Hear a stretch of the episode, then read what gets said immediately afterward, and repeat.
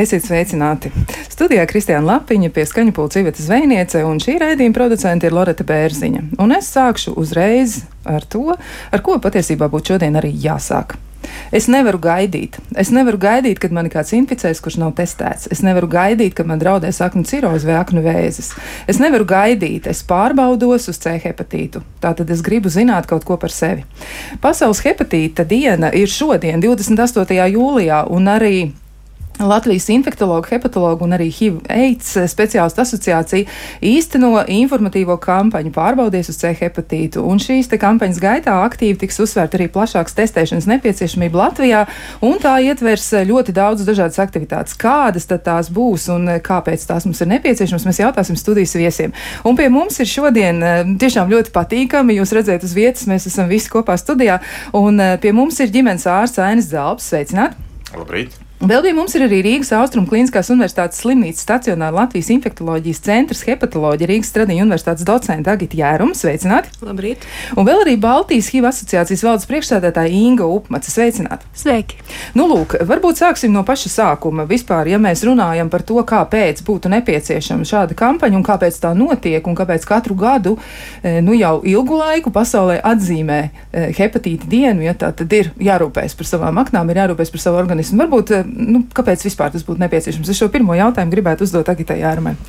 Nu, par aknām, protams, ir jārūpējās. Un, kāpēc tiek akcentēts C hepatīts? Šī ir izplatīta slimība. Pēc vienīgā Latvijā bijušā epidemioloģiskā pētījuma datiem mums varētu būt inficēti vismaz 1,7% iedzīvotāji. Pārējot no tauslatos skaitos uz to laiku, kad šis pētījums tika veikts, jau varētu būt kā 40 tūkstoši. Kāpēc tas ir tik svarīgi? Tā ir infekcijas slimība. Ja slimais cilvēks nezinot, ka viņš ir slims, inficēts, viņš šo slimību, diemžēl, ar asinīm vai seksuālā kontakta ceļā var nodot arī citiem. Un, protams, šī slimība ilgstoši neatpazīta var noritēt lēnām uz priekšu un izraisīt jau neatgriezniskas izmaiņas aknās. Un visā sliktajā labā lieta ir tā, ka C hepatīts ir ļoti labi ārstējams slimība, ja mēs laicīgi to sākam darīt. Un laikam šī ir vienīgā hroniskā slimība, ko ir iespējams pilnībā izārstēt, ja mēs to darām laicīgi. Tas izklausās visnotaļ neparasti. Hroniska slimība, kuru var izārstēt. Jā, tas, tas liekas jūtīgi, jo parasti liekas, ja ir hroniska slimība, tad cilvēks slimo praktiski visu mūžu. Teiksim, bronhiāla astma, viņš lieto inhalators biežāk vai retāk, bet slimība viņam ir neizārstējama. C hepatītu var izārstēt. Un, ja mēs šo slimību sākam ārstēt, tad, kad uh, vīruss vēl nav pagūvis cilvēku aknām nodarīt būtisku kaitējumu, tad mēs tiešām likvidējam vīrusu. Pie tam ļoti īsā laikā tagad ir pieejams pieejamas ļoti labas zāles, ar kurām cilvēks tiek ārstēts īsu laika periodu, un viņš ir pilnībā izārstēts vesels tāds, kā bija līdz šim C hepatītam. Jā, tad fona informācija izklausās ļoti labi, un joprojām problēma pastāv. Tad, eh, kā tad tas ir?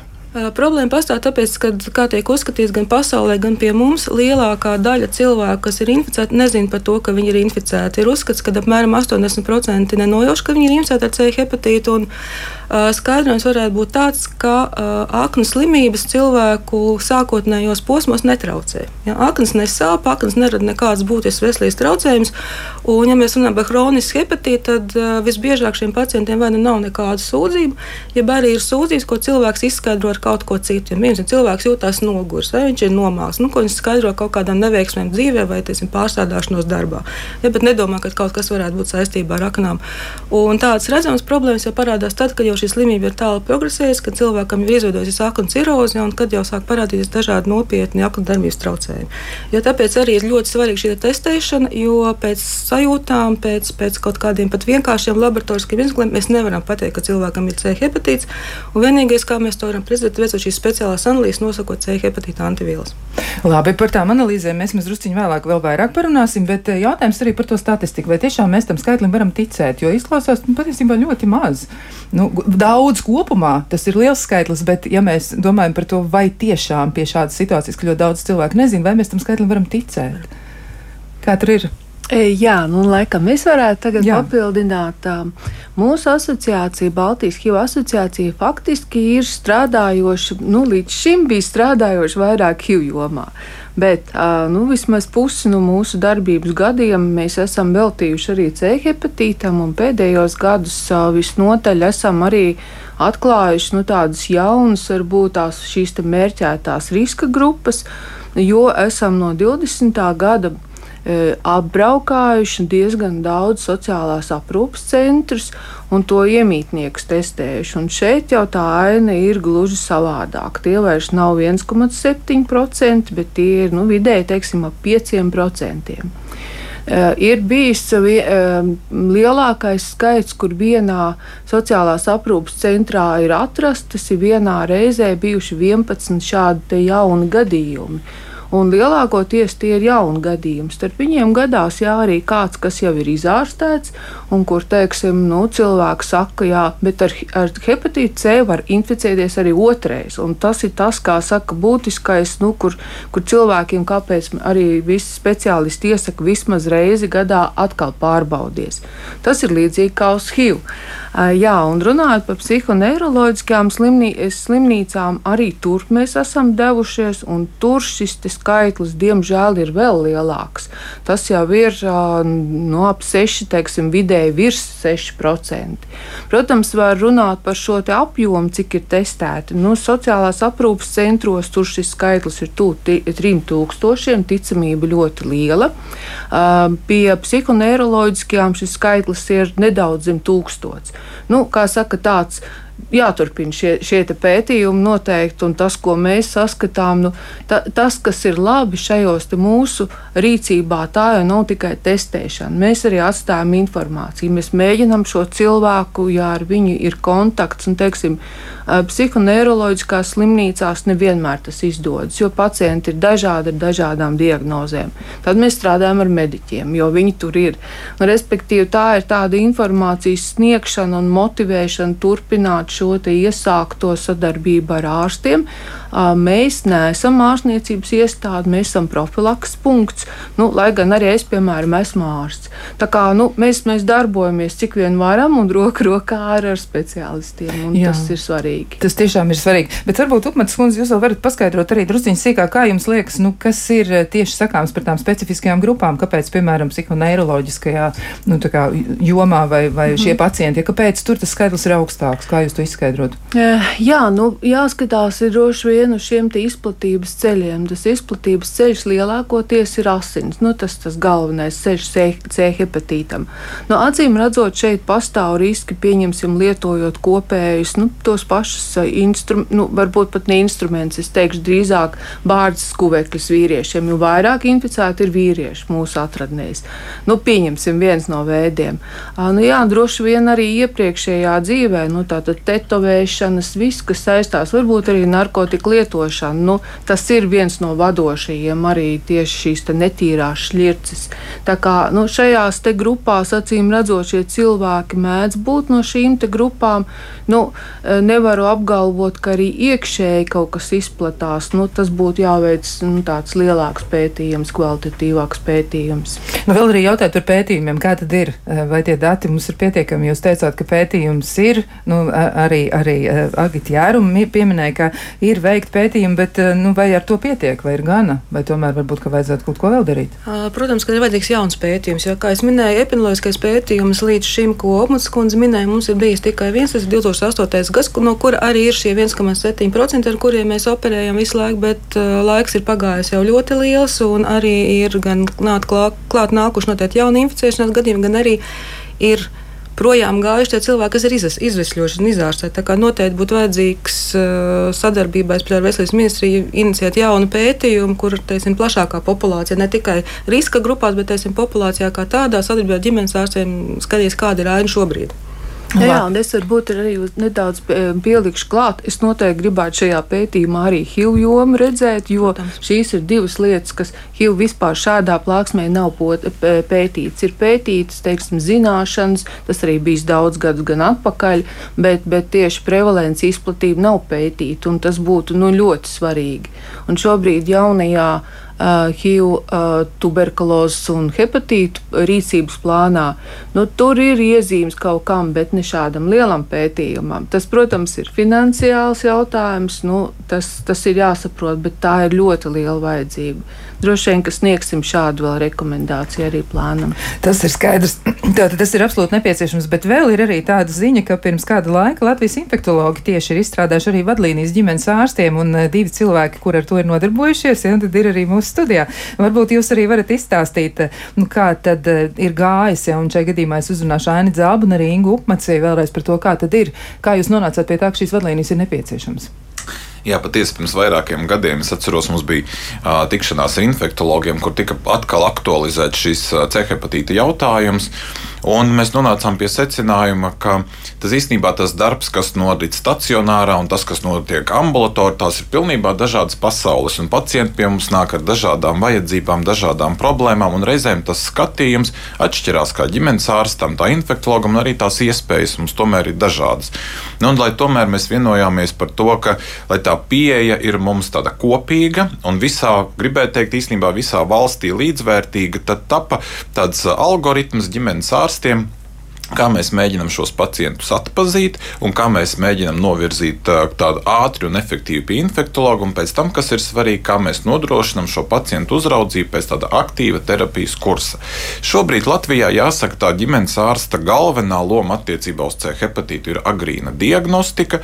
Protams, zināmā mērā mēs iesaistāmies arī ārstēšanas procesā, bet pēc tam uz mums tātad infektologi lielā mērā paļaujas, ka mēs nodrošinām šo ilgtermiņa novērošanu apkarošanu. Jo atkarībā no tā, cik lielu postu aknām bija nodarījis C hepatīts, tad tālāk mēs izvēlamies nu, tādu taktiku, kas ir saskaņota ar infektologiem, ko mēs tālāk pacientam piedāvājam. Vai tās ir varbūt tādas vizītes reizi gadā, kur mēs kontrolējam tikai analīzi, ja ir varbūt bijuši smagāki bojājumi, tad mums ir plašāks izmeklējumu klāsts, mēs atkārtojam aknu sonogrāfijas, nosakam noteikti sonko marķierus, veicam citas gremošanas trakta pārbaudes. Bet es gribētu uzsvērt bet eh, tieši ģimenes ārsta to svarīgāko lomu attiecībā uz C hepatītu, manuprāt, ir tieši agrīnā diagnostika. Un kolēģis jau ļoti iezīmē mums šīs riska grupas. Nu, jāatzīmē, ka attiecībā uz C hepatītu tā nav reta saslimšana. Tātad katrs no mums īstenībā ir riska grupa, katram no mums ir savulaik bijušas kādas medicīniskas manipulācijas. Droši vien katram no mums mēs varētu saskatīt kādus riska uzvedības momentus, ja? un tāpēc es aicinātu katru no mūsu pacientiem pārunāt ar ģimenes ģimenes ārstu par iespējām nodot analīzes attiecībā uz C hepatītu. Vismaz reizi mūžā tas noteikti būtu jāizdara.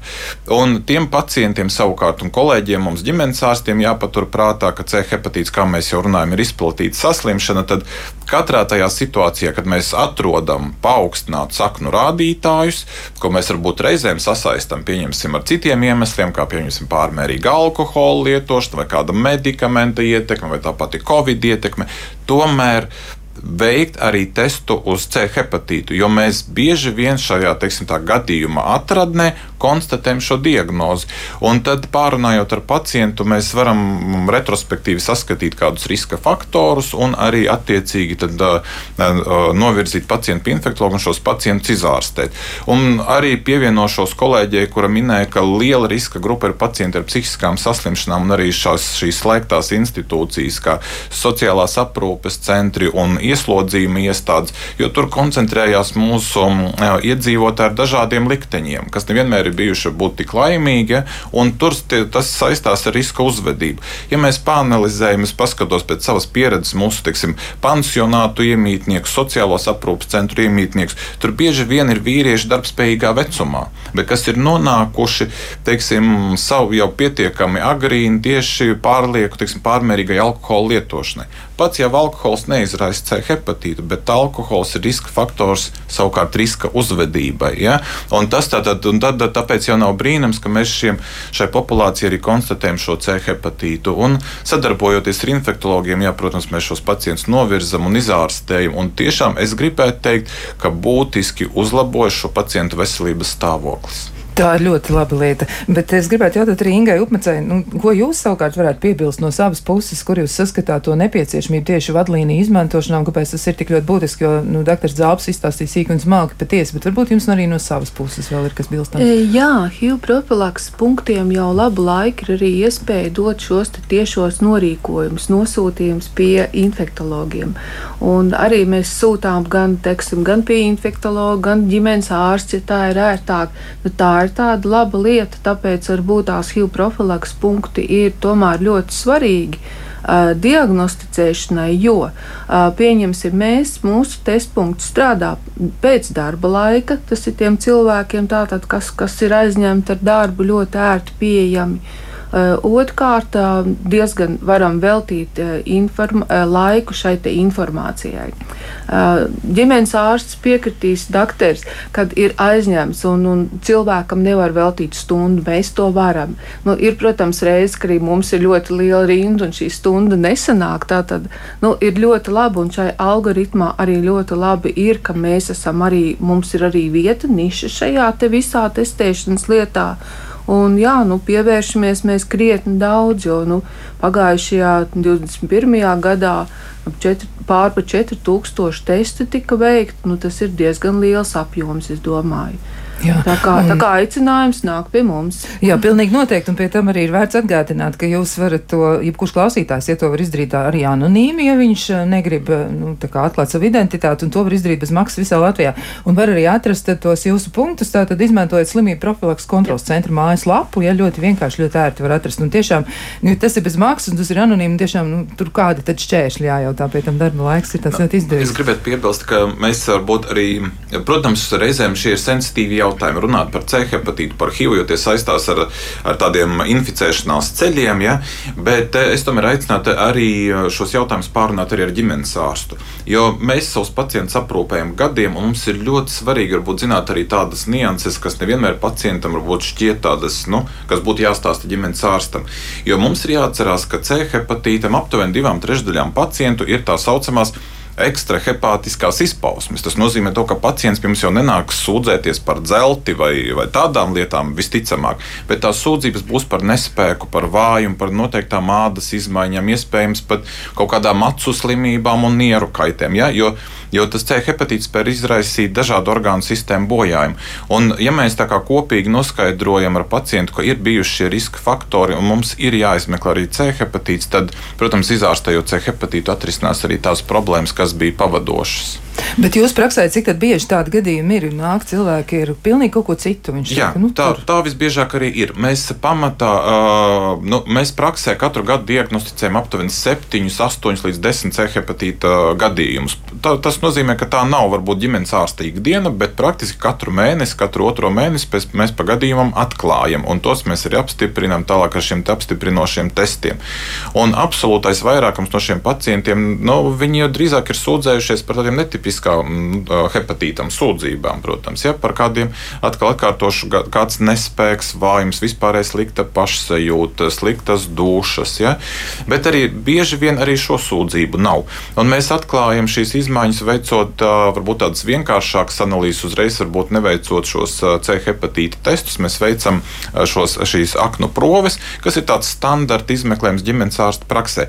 Protams, ne visiem C hepatīta pacientiem būs arī paaugstināts šīs aknu proves. Manuprāt, kādai piektai daļai tā nemaz nav, vai ne? Bet tomēr, es domāju, ja mēs tā pievērstu uzmanību tām izmaiņām, ko mēs jau atrodam, jo mēs laboratoriskos izmeklējumus veicam mūsu valstī ļoti daudz. Ja? Es domāju, arī tos C hepatīta izmeklējumus mēs veicam ārkārtīgi daudz, un es domāju, ka mums būtu jāvēršās arī pie Nacionālā veselības dienesta, un varbūt laiku pa laikam šī informācija jāapkopo, un mēs atradīsim, ka tas skaits ir tiešām liels, ko mēs izdarām. Tas varbūt netiek apkopots tādā pētījuma veidā, un, um, un šī informācija izpaliek. Bet jā, tāda gadījuma rakstura atradne, tālāk seko tātad šīs padziļinātā izmeklēšana attiecībā, kas varētu būt par cēloni.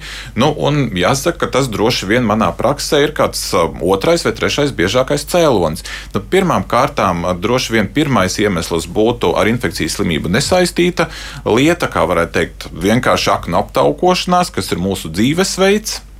Otra lieta droši vien būs kāda, pieņemsim, alkohola toksiska ietekme, un tad trešais būs C hepatīts, tā ka tas nav nekāds retums. Tā tad jāsako tomēr līdz savai veselībai. Nu, vēl arī jautājums par to, kā tieši pats vīrus ietekmē ietekmē organismu, varbūt arī nedaudz var vairāk iezīmēt to, cik lielu postu viņš var nodarīt un kāpēc tiešām ir tik ļoti svarīgi rūpēties par sevi un laiks to atklāt. Vēl jau vairāk ir zāles. Ja, kas Tie, tieši tā, nu, kā jau Dārts Zalfs pieminēja, tad C hepatīta vīruss var ne tikai ietekmēt aknas tieši, bet var izraisīt arī daudz ar aknām nesaistītas problēmas, kas būtiski ietekmē cilvēku dzīves kvalitāti. Kaut vai ir pētījumi, kas rāda, ka depresija pacientiem ar C hepatītu ir daudz biežāk nekā populācijai vidēji. Uh, ir arī dati, kas liecina, ka otrā tipa cukura diabetes biežāk ir saistībā ar C hepatītu nekā teiksim, cilvēkiem, kam šī C hepatīta nav. Bet, uh, ja mēs runājam tieši par aknu veselību, tad uh, C hepatīta vīruss ierosina hronisku aknu iekaisumu. Ja, ko tas nozīmē? Aknu šūniņas ir iekaisušas. Laika gaitā, ja šis process nav atpazīts, vai ja viņš ir atpazīts un nav ārstēts kāda iemesla pēc, tad viņš lēnītēm virzās uz priekšu, un šīs iekaisušās šūnas aiziet bojā, un šo iekaisušo šūnu vietā izveidojās vai saaugs aizstāvdi, ja veidojas fibrozi, kā mēs zinām, to saucam. Saistāvdi savukārt nevar veikt normālās aknu šūnu funkcijas. Ja šie aizstāvji ir auguši ļoti daudz, tad tas ir process, ko mēs saprotam kā aknu cirozi. Ja aknu cirozi nozīmē, ka lielākā daļa aknu šūnu ir aizvietojušās tiešām ar šiem funkcionāli neaktīviem audiem, un akna zaudē savas funkcijas. Un akna, kā mēs zinām, ir mūsu organisma lielākā laboratorija. Ļoti daudzas uh, dzīves procesā nepieciešamas vielas sintēzējās aknās, ja pieņemsim lielākā daļa asins recēšanas faktoru sintēzējās aknās. Daudz svarīgi asins olbaltumi, cukuru vielmai norisinās arī daļēji aknās, un aknām piemīt arī arī atindējošā funkcija. Tāda arī aknas uh, kalpo tam, lai piemēram, kaitīgās vielas, kas mūsu vielmais procesos veidojas organismā, lai aknās tiktu atindēts. Un, ja aknas ir ļoti slims, protams, ka šie procesi nevar notikt, un, un cilvēkam rodas ļoti būtiski jau veselības traucējumi. Un, uh, kas ir pats sliktākais? Šis process ir neatgrieznis. Ja, diemžēl uh, šobrīd medicīnā nav neviena medikamenta, kas spētu izārstēt jau noformējušos aknu cirozi. Tāpēc arī ir ļoti svarīgi šos pacientus diagnosticēt agrīni, agrīni izārstēt un nepieļaut to, lai šis cilvēks progresē līdz šai aknu cirozē, kas jau ir pašam cilvēkam daudz lielāka problēma un kas arī teiksim, no finansiālā viedokļa valstī ir daudz lielāks sloks. Jo šis cilvēks prasa jau nopietnāku ārstēšanu, tā jau tiešām ir kroniska slimība, kas ir neizārstēma, kas prasīs ilgstošu medikamentu lietošanu, kas būtiski ietekmēs gan cilvēka dzīves kvalitāti, gan arī, ja tas notiek cilvēkam darbspējīgā vecumā, tad arī, protams, kad viņi spējas kaut ko veikt darba tirgu, tā nereti ir invaliditāte, un šāds cilvēks, nu, diemžēl, ir nu, ir gan pats nelaimīgs, gan arī tas uzliek lielu slogu arī visai veselības aprūpē. Jā, nu nekā to hepatocītu nevarēs pierunāt, eh, lai viņš paliek uz vietas, ja viņš būs, eh, būs eh, saslimis un būs vīrus viņu izpostījis. Nu, tā ir jautājums no klausītājiem arī, kāpēc dažas profilaktiskas analīzes cilvēkiem, nu, dažām grupām, acīm redzot, nav obligāts vai valstiskā līmenī varētu tās tik popularizētas reizes gadā. Un tā jau mēs laiks varētu konstatēt dažādas saslimšanas, nevis diagnosticēt problēmas, kad ir jau par vēlu. Kā tad ir, pieņemsim, par to profilaksu un, un, un kaut kādām īpašām riska grupām? Kā jums eh, šī doma? Nu, protams, kā jau minēju, ja ģimenes medicīnas uzdevums ir agrīna diagnostika, un mēs jau vienmēr esam priecīgi, ja mums laicīgi izdodas kaut ko atklāt. Gan onkoloģiskās slimības, gan cukura diabetes, HIV, C hepatītus. Ja? Nu, un te jau nosaucot vien dažas slimības, mēs reiz saprotam, ka tas klāsts ir ļoti plašs. Mēs runājam gan par infekcijas slimībām, mēs runājam par neinfekcijas slimībām, un reizēm ir diezgan nereāli vienam cilvēkam teiksim, veikt visus nepieciešamos izmeklējumus. Nu, kaut kā prātīgi mums būtu jārīkojas, un tad šī izvēle būtu jābalsta attiecībā uz to to uz uh, kaut kādiem uh, riska faktoriem. Latvija gan pieder pie valstīm, kur tas C hepatīta izplatība ir ļoti plaša. Mēs pat varētu, ja mums tiešām būtu, kā kolēģi min, šie pētījumi, mums tiešām būtu jāveic šie testi ar zināmu regularitāti visai sabiedrībai. Jo nevelti arī Pasaules veselības organizācija arī nolikusi šo mērķi, ka mums līdz 2030. gadam tur praktiski būtu jāizskauž C hepatīts, jo tādas iespējas pastāv. Mums ir gan diagnostika, gan terapija. Uh, nu, uh, ja mēs paskatāmies skatāmies, zinu, ka arī HIV speciālisti un infektologi ja par C hepatītu runā, ka mums būtu jā, iespējams jāveic pat reizi gadā. Tad, ja mēs paskatāmies uz ģimenes ārsta uh, budžetu laboratorijai un mūsu personāla iespējām, tad mēs reāli nodarbotos tikai ar šīm divām diagnozēm un visu mūsu finansējumu, kas mums piešķirts, mēs uh, iztērētu HIV un C hepatītu skrīningam. Tāpēc mums ir kaut kas mazliet jāsabalansē. Mums ir jārunā par šīm riska grupām, vismaz kurām ir šī vislielākā iespēja inficēties. Un mums jau kolēģi minēja, tie būs noteikti noteikti kam noteikti būtu jāveic C hepatīta tests, tātad tiem, kuriem ir HIV tests arī vienlaicīgi tie, kuriem ir šī riska uzvedība, kur ir intravenoza narkotiku lietošana, esoša vai bijusi. Mēs runājam par noteiktām varbūt iedzīvotāju grupām, kurām ir dažādas slimības fonā bijušas. Ja? Tie, kas ir bijuši mums ieslodzījuma vietās, pansionāti, pacienti ar, ar psihiska rakstura slimībām, jo tur arī bieži vien iet dažādi risku uzvedību. Un es domāju, ka mēs jau būtu ļoti daudz izdarījuši, ja mēs aptvertu šīs riska grupas. Un es domāju, ka kolēģi var paplašināt un runāt par vēl plašākām riska grupām. Bet tieši ģimenes ārsta skatījumā nu, mums būtu jārunā par to, kur tā iespēja atrast ir, ir vislielākā. Un otra pieeja, tātad bez šī skrīninga, ir tad, ja mēs redzam kādas sūdzības, kas varētu būt tipiskas C hepatītam, ja? vai arī tad, ja mums ir izmaiņas saknu analīzēs, tad mēs veicam. Un tad aptverot jau šo, nu, mēs lielāko daļu šo pacientu droši vien pie ģimenes ārsta praksē varētu izķert. Un tad jau arī mums būtu arī vēl iedzīvotāju grupas, kas griežās, varbūt testēties citās iestādēs, kas vēršas, pieņemsim, veicot plānveida pakalpojumus, plānveida operācijas, kur, kur ar lielu varbūtību šis tests jau tiek piedāvāts. Un rezultātā šis testu apjoms jau mums gada laikā sa, salasās diezgan liels, un tur ir, ir, ir iespējas šo slimību arī, arī izķert. Jā, nu tas izklausās pēc ļoti laba plāna, bet par to, ko vēl var darīt un arī par ko būtu jādomā un kā vēl gan atpazīt, gan arī kā par sevi parūpēties, mēs šo sarunu turpināsim tālāk jau pēc īsa brīža. Kā labāk dzīvot? Laiks jūsu jautājumiem. Tālruņa studijā 6722, 888, un 6722, 559, mūsu e-pasts, klausītājs atlatvijas radio.lv. Turpinām sarunu par eh, hepatītu, par to, kā to novērst, kā izvairīties, kā diagnosticēt, un arī par daudzām citām lietām, kas ir saistītas eh, arī ar aknu veselību. Atgādināšu par viesiem studijā. Pie mums ir ģimenes ārsts Ainis Zalps, vēl ir arī Rīgas Austrum Kliniskās Universitātes slimnīcas stacionāra Latvijas infektuoloģijas centrs hepatoloģija Rīgas Stradiņa Universitātes docenta Agita Jēruma, un vēl arī Baltijas HIV asociācijas valdes priekšsēdētāja Inga Upmaca. Bet uh, es gribētu uzdot nākamo jautājumu. Mans nākamais jautājums būs tāds, nu, Reizēm liekas, ka pacientam ir ļoti daudz atbildības, ja, un katram no mums par savu veselību tiešām būtu arī jārūpējas, un būtu jābūt ļoti tādiem, nu, kā tagad mēdz teikt, proaktīviem. Ja, tas ir skaidrs. Bet tomēr kāds būtu ieguvums no tā, ja cilvēks laikus veiktu šo analīzi, vai viņš veiktu šo analīzi šodien, piemēram, ja viņš piezvanītu, noskaidrotu, aiziet, izdarītu un uzzinātu, ka nu, nav. Ja, bet, nu, ja nu gadījumā ir, tad mēs zinām, ka ārstēšana ir. Bet, nu, kā viņš varētu izvairīties, ja viņš to izdarītu šodien, rīt? Nu, viņš izvairīsies noteikti no tālāk progresējošas slimības. Ja cilvēks šodien izlemj, jā, es tomēr aiziešu pārbaudīšos, ja viens variants, kā jūs teicāt, tā, tad analīze ir negatīva, paldies Dievam, man nekas nekaiš. Analīze ir pozitīva, tālāk jau cilvēks nonāk veselības aprūpē pie ārsta infektuologa vai hepatologa. Un šeit ir divi scenāriji. Tātad, ja šī slimība ir diagnosticēta agrīni, tad aknās izmaiņas ir ļoti, ļoti minimālas, vai tur nav vispār nekādu ļaunu izmaiņu. Tas nozīmē, ka cilvēks saņem šo īso zāļu kursu, kas ir vai no 8 vai 12 nedēļas atkarībā no dažiem apsvērumiem, un cilvēks būs pilnīgi vesels. Ja tā cilvēks ir vesels, protams, pastāv tā iespēja, ko arī Upmans kundze minēja, ka C hepatitīda diemžēl var inficēties atkārtot, bet nu, tur vairāk tomēr ir risks šīm riska, riska uzvedību grupu pacientiem. Bet, ja šī slimība ir atklāta jau tad, kad aknās ir jau šī noformējusies ciroze, vai ir vēl tās termins kā tiltveida fibroze vai F3 pakāpes fibroze, kas nozīmē viens solis līdz cirozei. Tas, diemžēl, nozīmē, ka daknas ir būtiski cietušas. Mēs, protams, ar šo pašu īso ārstēšanas kursu pacientu no vīrusa atbrīvosim, bet mēs nevarēsim cilvēkam pateikt, ka viņš ir pilnīgi vesels. Protams, cilvēks ir brīvs no vīrusa, tad viņam nebūs vairs šīs aģenti, kas šo aknu slimību virzīs vai grūdīs uz priekšu.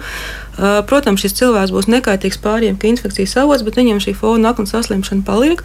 Un, diemžēl, ja cilvēkam ir jau kādas izcelsmes aknu cirozes, tad, diemžēl, tas ir augstāka riska faktors potenciāli aknu vēža attīstībai. Un šiem cilvēkiem nesos to, ka viņi būs izārstēti no C hepatīta. Un varbūt viņam ir šī ciroze ir pilnīgi kompensēta, un viņam nav nekādu veselības traucējumu, viņam nekrājās šķidrums vēdrā, viņam neasiņo deguns un smadzenes, bet šis process ir pietiekami tālu aizgājis. Diemžēl šis vēža risks saglabājas, un tā cilvēkam sadarbībā vai ar hepatologu vai ar ģimenes ārstu būs turpmāk arī ļoti rūpīgi jānovēro savu veselību, respektīvi būs jāveic konkrēts analīzes, kā Dārts Zēls minēja, un jāveic aknu sonoskopija reizi sešos mēnešos. Jā, to, to ir jācenšas atcerēties gan pacientam pašam, gan arī mums kā speciālistiem ir ļoti, ļoti rūpīgi tam jāpiet. Jo, ja mēs šo periodu kādreiz nu, kaut kādā asām dēļ nevajadzīgi pagarinām, vai ir bijis tā, ka cilvēkam ir grūti piekļūt pie izmeklējumiem. Piemēram, Covid laikā šādā ziņā bija ļoti nelabvēlīgs, jo, jo likās, ka vienīgā slimība, kas pasaulē ir, tas ir Covid-19, citas slimības vairs neeksistē. Ja arī cilvēks tiešām pats ir bijis eh, vilkprātīgs un izlēms, ka jā, man tagad viss ir kārtībā, hepatīts izārstēs, man nekas tālāk vairs nav jāievēro, ir šis izmeklējums novilcināts, ir pagājis tiesim, gads vai vairāk gadi, un diemžēl pacients atnāk pie mums, un mēs redzam, ka diemžēl jau ir aknu vējs, un kur atkal šīs izārstēšanās iespējas jau ir nu, dažādās stadijās nu, dažādi limitētas. Jā, Tā tad eh, jau arī tā plānošana, ja tālāk uz priekšu sadarbībā ar ģimenes ārstu arī varētu būt daudz sekmīgāk. Mums ir kāds klausītājs zvans, tūlīt arī mēģināsim uzklausīt, kas ir sakāms. Labdien! Sakiet, lūdzu, vai uzpūtas vadas varētu būt kā pazīme C hepatītam? Vai jūs varētu pateikt vēlreiz? Mēs īsti nesadzirdējām. Uzpūties vēders varētu būt kā pazīme C hepatītam. Paldies par jautājumu. Tūlīt arī mēģināsim atbildēt. Jā, nu kā tad ir? E, kādas tad ir hepatīta? pazīmes. Jūs arī teicāt, nu, tā tad viena lieta var noteikt ar analīzēm, tur ir viss ļoti precīzi un skaidri, un arī dr. Zāps teica, ka e, atnākot cilvēki pie viņu uz praksi, reizēm sūdzas par kaut kādām pilnīgi citām lietām, bet, nu, vai, piemēram, šis te Ja, nu, tāds simptoms, kas nāk no, no, no vēdera. No... Nu, tas varētu būt viens no simptomiem, protams. Ja, gremošanas, dažādas sūdzības, arī tā skaitā tās sūdzības par vēdera, varbūt pūšanos, par gremošanas traucējumiem, par sliktu dušu. Tas var norādīt par kādu aknu problēmu. Nevienmēr tas būs C hepatīts, tas varētu būt arī kāda kuņģa kaita, bet viennozīmīgi tam būtu jāpievērš uzmanība. Un, ja ir šāda veida sūdzības, tur būtu jāizrunā ar ģimenes ārstu vai vēl kādi citi varbūt riska faktori, un noteikti veikt arī izmeklējumu, o, lai izslēgtu C hepatītu. Ir, protams, arī tādas, ka mēs jau runājam, C hepatīts ilgstoši noritoši var izraisīt aknu cirozi, un aknu cirozi savukārt var um, veicināt uh, šķidrumu uzkrāšanos vēdera dobumā un vēdera apjoma palielināšanos. Nu, tas gan jau ir simptoms tātad aknu cirozē, kurai iemesls var būt arī C hepatīts, varbūt arī kāda cita cita slimība. Nu, te jāsaka, ka, ja mēs atklājam jau tiksim, tādu uh, saslimšanu cirozes stadijā, tad tā jau ir pietiekami izteikta vai neslimības uh, forma, uh, smaga slimības gaita. Un, uh, protams, arī šajās situācijās, arī, ja tur vēl fonā ir C hepatīts, tad tas noteikti arī ir jāārstē. Nu, Tātad, jebkurā gadījumā, ja cilvēks jūt kādas izmaiņas veselībā vai konstatē, ka kaut kas nav tā kā parasti, viņam ir jādodas pie ārsta. Tieši tā, es domāju, ka mums ir arī varbūt šodien jāakcentē tas, ka, ja, ja mūsu kāds pacients nejūtās labi un ir kādas sūdzības, kas traucē ilgāku laiku ja, un satrauc pacientu, noteikti veicam pierakstu pie ģimenes ārsta un izrunājam, risinam šos jautājumus. Jo mēs redzam, ka jā, arī Covid laikā varbūt mums nebija šī pieejamība gan izmeklējumiem, gan speciālistiem tik liela. Bet arī mūsu valstī varbūt tomēr vēl ir tāda tradīcija, varbūt tā ilgāk pagaidīt, sevi pavērot, padomāt, varbūt pazudīs, varbūt atrisinās.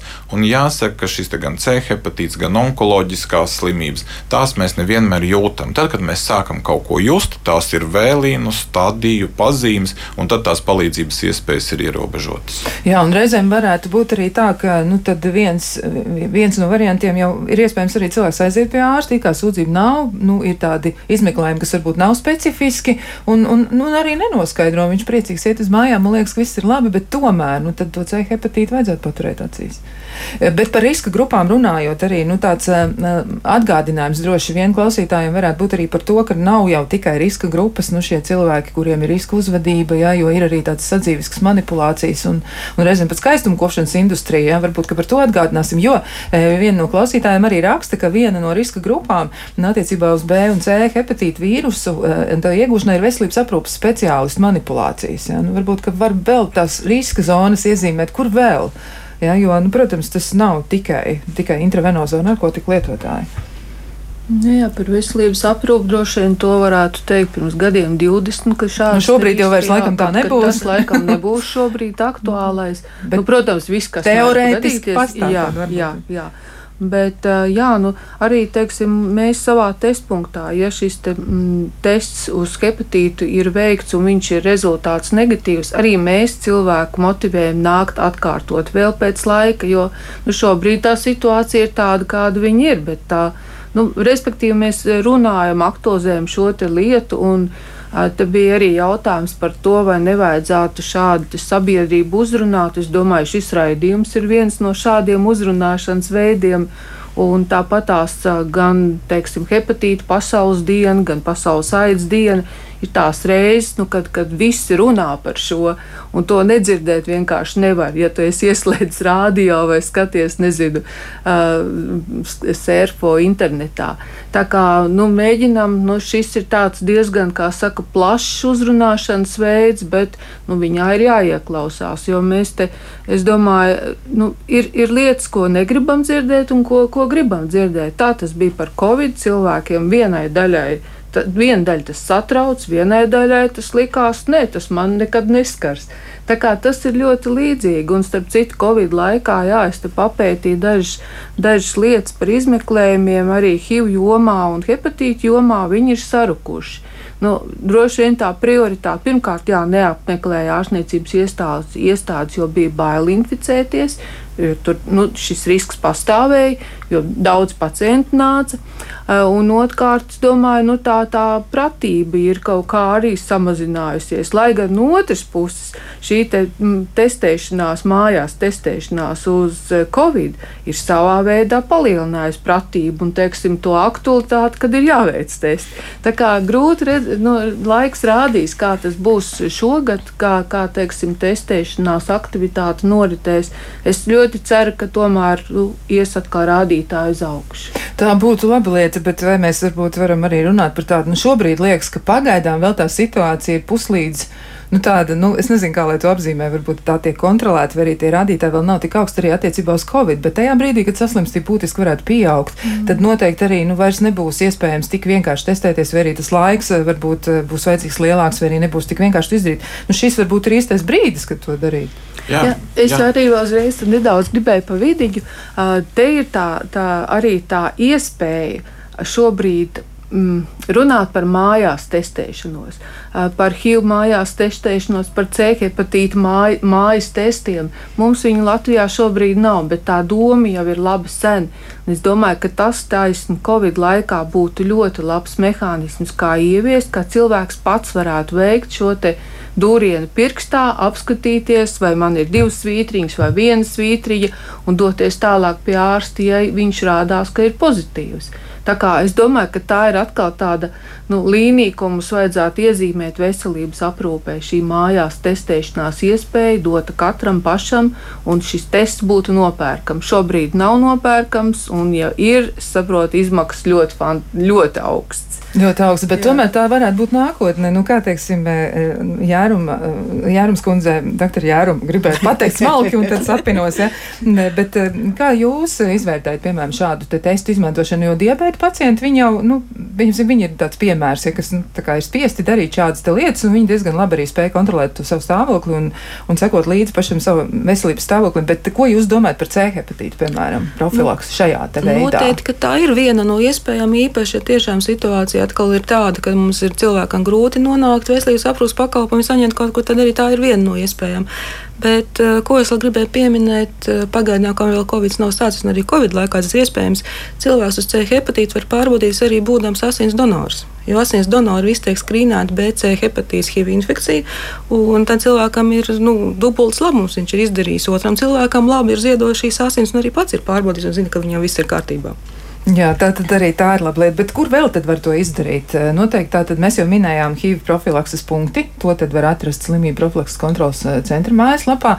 Tad noteikti var arī eh, to izdarīt katrs donors. Nu, bet donori to noteikti zina. Tie, kas ir pastāvīgie donori, viņiem tas ir skaidrs. Bet tie cilvēki, kur tagad tikai domā, vai viņi gribētu kļūt par donoriem, noteikti tāda iespēja arī pastāv uzreiz. Kur vēl? Pie ģimenes ārsta viennozīmīgi, un jebkurā īstenībā ārstniecības iestādē apmeklējot jebkuru speciālistu, vai tas būtu ķirurgs, vai ginekologs, vai dermatologs, pārunājot šos jautājumus un aktualizējot problēmu, ir iespējams šo analīzi nozīmēt. To var nozīmēt jebkurš speciālists, un tas speciālists, kurš ir līgumā ar Nacionālo veselības dienestu, tur arī nav būtisku šķēršļu, lai veiktu šo izmeklējumu par valsts budžeta līdzekļiem. Tā kā šie testi ir pieejami. Nu, jāatzīmē, ka testu veikšana tāda plaša, to mēs laikam saucam par sekundāro skrīningu, vai ne? Un tas sekundārais skrīnings, tas tā, tā ir ļoti svarīga šī profilakses lieta, jo mēs atklājam kādu gadījumu, mēs to izārstējam, šis cilvēks neinficē nākamos, un, protams, pats uzlabo savu veselības stāvokli un izārstējās. Bet mūsu kā ģimenes ārstu skatījumā, es domāju, ka kolēģi arī piekritīs, ka mūsu svarīgākais uzdevums profilaksē mēs aizskaram īstenībā ir zināšanas un izglītība, un tas ir pamata pamats. Mēs, protams, ja mums pietrūkst šīs izpratnes par C hepatītu, mums ir pietrūkst izpratnes par HIV, par veselīgu dzīvesveidu, par reproduktīvo veselību, tad investēt tikai un skrīningos, tajos asins analīžu veikšanā, nu, teiksim, visa mūža garumā un piekopjot šo risku uzvedību, tas nebūs labākais risinājums. Tāpēc, domāju, mēs visi ārsti un visa medicīnas nozare nepagurstoši runājam par to, ka mums skolās ir nepieciešama veselības mācība, mūsu jauniešu izglītība. Un, ja mēs paskatāmies, ja mēs salīdzinām mūsu reģionu, pieņemsim HIV, un mēs salīdzinām ar HIV situāciju, C hepatītu situāciju, salīdzinām ar citām Eiropas valstīm, pie mums šīs slimības ir ļoti izplatītas. Un rodas jautājums, kāpēc? Nu, kur ir tā problēma? Mēs neesam varbūt, nezinu, savā varbūt uzvedībā vai savā varbūt tajā nezinu, seksuālajā aktivitātē un dzīvesveidā kaut kāda savādāka no pārējās Eiropas. Ja? Es domāju, varbūt mēs neko daudz neatšķiramies no frančiem, itāļiem vai spāņiem, bet droši vien ar ko mēs atšķiramies, tās ir mūsu zināšanas un tās ir mūsu uh, prasmes, varbūt uh, izsargāties nu, gan no seksuāli transmisīvām slimībām, gan no HIV, no C hepatīta un pārējām lietām.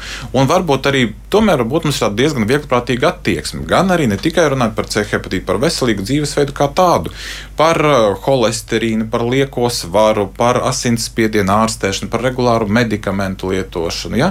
Nu, tomēr šīs ir tās lietas, kas nav tikai ģimenes ārstu vai ārstu speciālistu atbildība, tā ir arī mūsu pašu pacientu atbildība ja? Uh, pret, uh, pret sevi un, un arī šo dažādu risku faktoru atpazīšana, novēršana. Ja? Bet pamatā tātad es tur saredzu lielas iespējas tieši izglītībai. Un otra lieta, ko mēs jau arī varbūt aizkadrā iesākām runāt, mums ir ļoti liels problēmas šobrīd ar pieejamību valsts apmaksātiem izmeklējumiem. Mums kolēģi infektologi saka, jā, ka mums atsevišķām iedzīvotāju grupām būtu jāveic sonogrāfija divreiz gadā, bet jāsaka, ka rindas jau ir uz nākamo gadu, un mūsu pacienti vienkārši netiek uz šiem izmeklējumiem. Un ir spiesti izmakl, iz, ap, apmaksāt šos izmeklējumus paši, iet uz maksas veselības aprūpes sektoru. Ja? Un te ir gan tā kā mums ir jāatbalsta, ja mēs redzam ik pa laikam mediķu aktivitāti aktivitātes, dažādi streiki, vēl šis tas, ja, ka mums ir jāpievērš uzmanība. Mēs nerunājam tikai par algām, mēs runājam par vairāk vispār investīcijām veselības aprūpas jomā, lai mums sabiedrībai būtu šie izmeklējumi pieejami, lai mēs varam veikt gan testēšanu pienācīgos daudzumos, un vajadzības gadījumā mēs varam nodrošināt ārstēšanu un pēc tam arī nepieciešamo tālāku uzraudzību saulaicīgu. Jā, nu par testēšanu tiešām tas, tas, tas nu būtu tā katram darāms, bet uh, arī par tām profilaktiskajām pārbaudēm vai arī par pārbaudēm, kas ir nepieciešamas nu, pēc kaut kāda noteikta laika, ja, jo doktori Jārma arī teica par to, ka tad, reizi pusgadā, un to nevar nu, tā vienkārši ignorēt. Jā, un tām pacientu grupām tas tiešām ir būtiski. Jo, nu, varbūt tas būs skaļi teikt, bet tas ir reizēm dzīves un nāves jautājums, laicīgi atklāt aknu vēzi. Jo atkal aknu vējs, ir laicīgi atklāts, tas arī nav nāves spriedums. Un mums ir ļoti labi attīstīta arī aknu ķirurģija, ir, ja ir mazs veidojums, viņi ir iespējams operēt, ir iespējams veikt dažādas citas manipulācijas, bet atkal šīs procesi jāatklāj saulēcīgi. Ja, ja ir novēlot, tad, protams, ka tu nevarēsi neko radikāli darīt. Jā, nu vēl man gribētu arī, tomēr virzoties uz eh, sarunas noslēgumu, parunāt vēl par to, kas tomēr ir vēl tās papildus lietas, ko būtu jāatcerās. Jā. Nu, ir arī nu, kaut vai tiešām tādas sadzīviskas lietas, nu aiziet pie pedikīra speciālistu vai uz manikīru, nu, vai var inficēties? Ja netiek pienācīgi dezinficēti un sterilizēti instrumenti, diemžēl, jā, ja, nav, ja notiek tā, ka eh, manikīra vai pedikīra meistars strādā ar vienu klientu, mēs tagad varbūt vulgarizējuši noslauka salvetē instruments un, un dodas pie nākošā, tad, protams, ka tāpēc arī nevajadzētu būt pakautrēties. Mēs varam pajautāt, lai parāda, kā tiek apstrādāti instrumenti, vai tiek vērts vaļā vienreizējais instrumentu iepakojums. Ja tas pats attiecās arī pieņemsim, uz tetovējumu veikšanu, uh, uz pīrsingiem, kas arī jaunai paudzei īpaši ir populāri. Tad pārliecināties, ka tiešām tas viss tiek darīts droši. To var darīt, ja, bet tas ir jādara drošos apstākļos. Jā, un par tetovējumiem runājot, tas ļoti populāri. Tiešām cilvēki aizvien vairāk izmanto to un mēģina sevi izskaistināt reizēm tiešām rezultāts ir ļoti, ļoti skaists, bet eh, nu, tas risks tiešām pastāv. Jā, nu kas vēl būtu jāzina, ko jūs vēl gribētu nu, likt, kā saka, pie sirds, un tad varbūt tad jāsaka pie aknām. Jā? No, no savas puses gribētu teikt, ka riska grupa ir mediķi paši. Nā, Mēs bieži vien runājam un izglītojam pārējos, stāstam, cik viss ir svarīgi, bet paši reizēm šos testus aizmirstam veikt. Un it sevišķi šodien gribētu apgād, atgādināt tiem mūsu kolēģiem un arī medicīnas māsām, kurām darba pienākumi ir saistīti ar dažādām injekcijām, manipulācijām. Jo šie sīkie ievainojuma riski mūsu darbā pastāv. Šie dūrienu riski tomēr ir. Nevienmēr tie visi tiek varbūt pienācīgi noziņoti, vienmēr tā rīcība seko tāda, kāda tai nākās. Un Tādēļ šie būtu jāveic testi arī pašiem. Un mediķiem gan es ieteiktu reizi gadā šos testus veikt tie, kas, tie, kas veic kādas invazīvas manipulācijas. Un mēs bieži vien atklājam arī, arī mūsu kolēģiem ja, šos C hepatītus un, un tālāk virzam pie speciālista un, un veiksmīgi izārstējam. Nu, kā jūs izskaidrot mediķa attieksmi, jo arī viens no jūsu kolēģiem minēja, ka ārsti un māsas un vispār medicīnas speciālisti veselības aprūpas speciālisti viņi arī attiecībā uz onkoloģiskajiem procesiem jau skrīningu izturas tā, nu, pret to izturas tā visnotaļ viegliprātīgi. Nu, tad, Kas mums visiem būtu nu, mēs jāmaina? varbūt negribētu, ka mēs varbūt apzināmies tos riskus. Jā, protams, ka arī mēs varbūt šo to iekavējam un darām novēloti un, un kaut kā grūti atlicināt laiku sev, lai veiktu pārbaudas sev. Bet es tā skatos, tik, cik man praksē ir reģistrēti kolēģi, medicīnas darbinieki, nu, pietiekami atsaucīgi. Tomēr, Katrā jā, ziņā, ja viņi paši aizmirst un mēs atgādinām, tad tā atsaucība ir. Ja?